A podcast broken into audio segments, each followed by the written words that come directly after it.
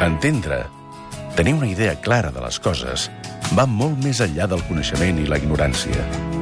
Per això ens preguntem, què és allò que no enteneu?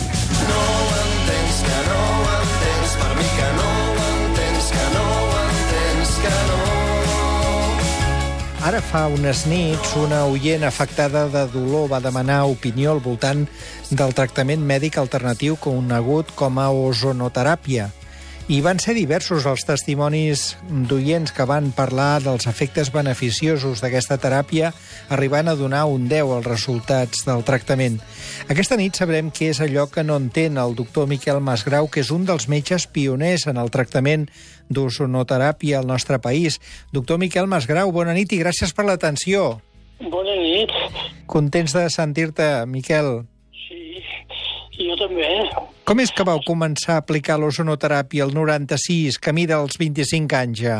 Ai, mira, va ser per casualitat, perquè vaig anar, vaig anar a investigar per què a Cuba, com s'ho feien a Cuba, que quan, quan hi va haver el bloqueig aquell, Cuba tenia una, una, uns serveis mèdics boníssims, estaven, estaven molt formats, i, i es van quedar sense cap medicament. Uh -huh. Amb el bloqueig americà es van quedar sense res. Es va tenir molt interès a veure què feien servir d'alternatiu.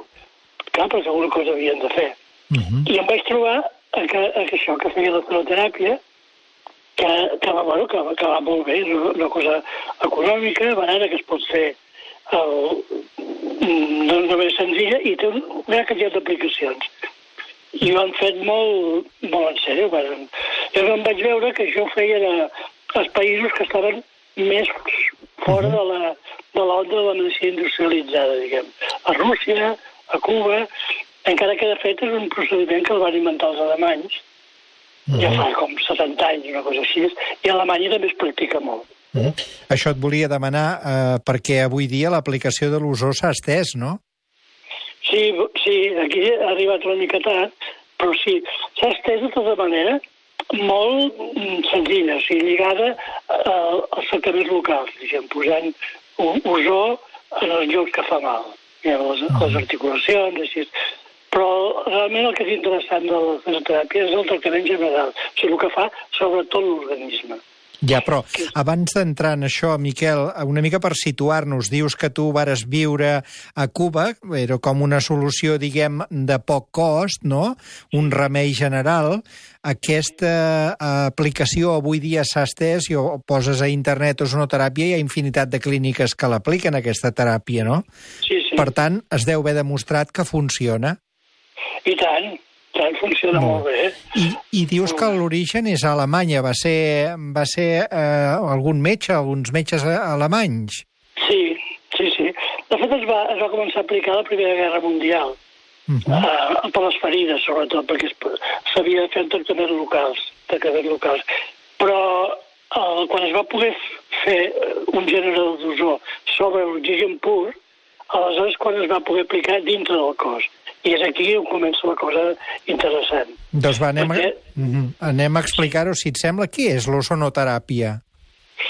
Però el tractament amb ozó és que és, és, és una forma de, de tractament amb oxigen, però és que l'oxigen realment és, és, és, és la base de la vida. O sigui, la vida, des del punt de vista químic, és un intercanvi, un vaivé d'oxigen. L'oxigen és una molècula, és un àtom, que no, no li agrada anar sol, mai va sol. Sempre va acompanyat o bé d'un altre oxigen, o bé com queda suelto, es, es combina amb el que sigui.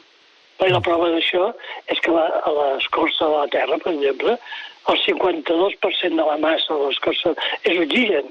És, és oxigen combinat amb tot, saps? Uh -huh. I, I el cos humà igual, el cos humà, el 80, el 65%, sembla que és, és oxigen també. I a l'atmosfera només hi ha el 21%. És, és a dir, una, una regeneració del propi cos a través de l'oxigen. Exacte. I llavors aquest oxigen té una, un gran potencial de, de combinar-se i sobretot de neteja. Per tant... Sabeu aquestes, uh -huh.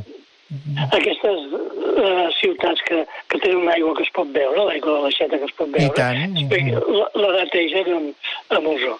I de fet les aigües envasades també són netejades amb ozó, perquè no deixa cap mena de residu. O sigui, l'ozó eh, és oxigen i el residu és oxigen. Per tant, mm, l'ozó és oxigen i aquest, eh, aplicat a l'organisme, doncs eh, comporta unes millores. En, en concret, en quins problemes? Bé, eh, és, és molt variat, o sigui, de fet, es pot, eh, com que no, és un, és un, no té cap mena d'efecte secundari, no té cap mena de- de- de- de- d'efecte tòxic, el, es pot aplicar fins i tot a les persones normals. És a dir, jo, per exemple, ara m'estic fent una, una tanda d'ozó i me'n faig, de, la- la- fa dos anys me'n vaig fer una altra. Normalment es fan tandes de 10, Uh -huh. de 10, de 10 sessions i es poden repetir cap d'un temps. Si És dir, igual que et recomanen anar a fer-te un massatge, et podrien dir, vés a fer una sessió d'ozó, no? Exacte, no una sessió, una tanda, perquè és una No. cosa que és... és s'ha de, de fer unes quantes sessions perquè, es- perquè es noti l'efecte. És com un estímul que has de repetir. Per això, l'aplicació després en cas de malaltia és, és, és molt, molt gran. Perquè el que fa és millorar molt la circulació de la sang, oxigena, i té també, un, per tant, va per tot el que són problemes de, de cor, la recuperació de les feridures, no? de, també pel cervell, el cervell necessita molt d'oxigen.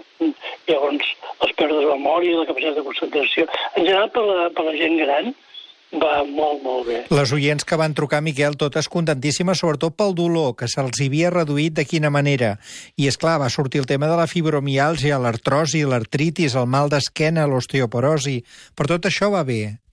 Sí, sí, per l'osteoporosi, per exemple, va molt bé, perquè t'evita de, depèn d'aquests fàrmacs que són tan, tan forts, no?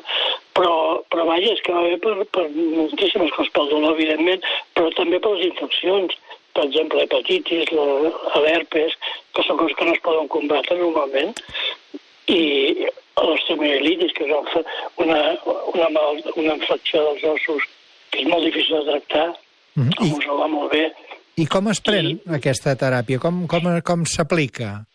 Normalment es fa com una... La, la manera més normal de fer-la és a través de, de la sang. O sigui, s'agafa un, com es punxa una vena, com si fos una anàlisi de sang, es treu com 50 o 100, o 100 centímetres cúbics, es barreja amb ozó i torna a entrar. És com una mena de de de- de- d'autotransfusió, diguem, no? Però també una altra manera que es pot fer molt, que és més senzilla encara, que és eh, a través de, de, per via rectal. Eh, Això es fa, per exemple, la malaltia de Crohn, la cortis ulcerosa, que són malalties en principi que són incurables i que amb ozó i sobretot acompanyat amb acupuntura, la, la, la, la barreja dels dos la, mm, pot aconseguir resultats molt, molt, molt bueno, pot curar-ho, vaja, no, I no, no pot curar-ho, ho cura normalment, vaja, en tenim molts casos. per tant, intravenosa o via rectal? Sí, de tot, també.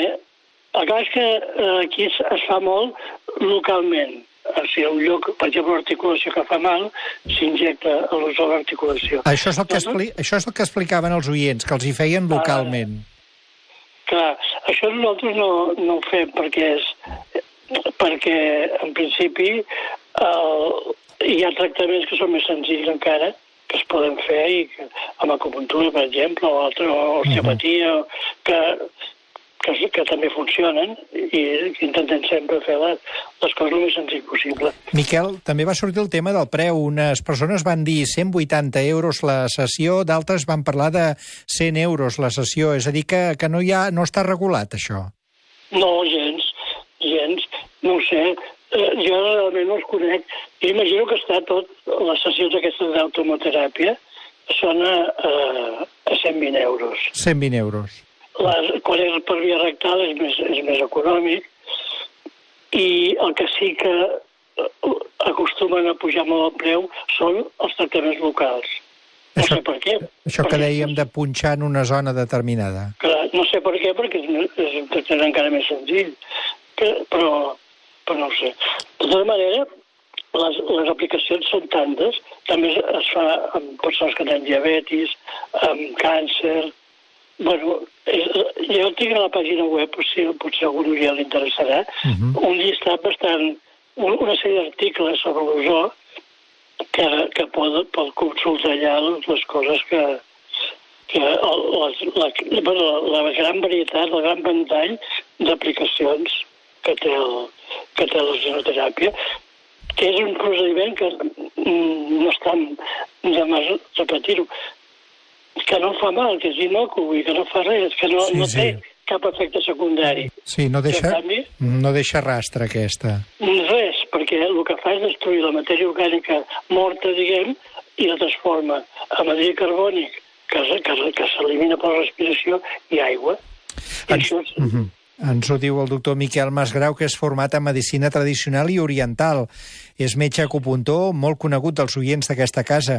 Ha estat un de, dels metges pioners en l'aplicació de l'ozonoteràpia al nostre país des del gabinet mèdic que porta el seu nom. Ha participat en programes com l'Ofici de Viure, la nit dels ignorants de tant en tant, com avui, no? I què és allò que no entén el doctor Miquel Masgrau? bueno, potser el que no entenc és, és com es recorre sempre a procediments i a, i a remeis que tenen efectes secundaris sense haver abans provat els que no fan mal. Que moltes vegades són els remeis tradicionals, en aquest cas la psicoteràpia és una cosa nova, però els remeis tradicionals de tota la vida es, es descarten, no perquè no funcionen, sinó perquè hi ha una pressió per part de, sobretot de la farmàcia o de la medicina oficial que diu, en primera instància, fes un tractament que, que és tòxic, diguem, i que altera, altera l'organisme. Com és que, que la pròpia medicina té tan, poc, tan poca consideració amb els tractaments aquests que no, que no fan mal i que, i que han funcionat tota la vida, a més a més. Uh -huh. Interessant reflexió, Miquel. Doncs eh, no prenem més temps. Miquel Masgrau, moltíssimes gràcies per la teva atenció un cop més. I gràcies a vosaltres i bona nit. I bona nit.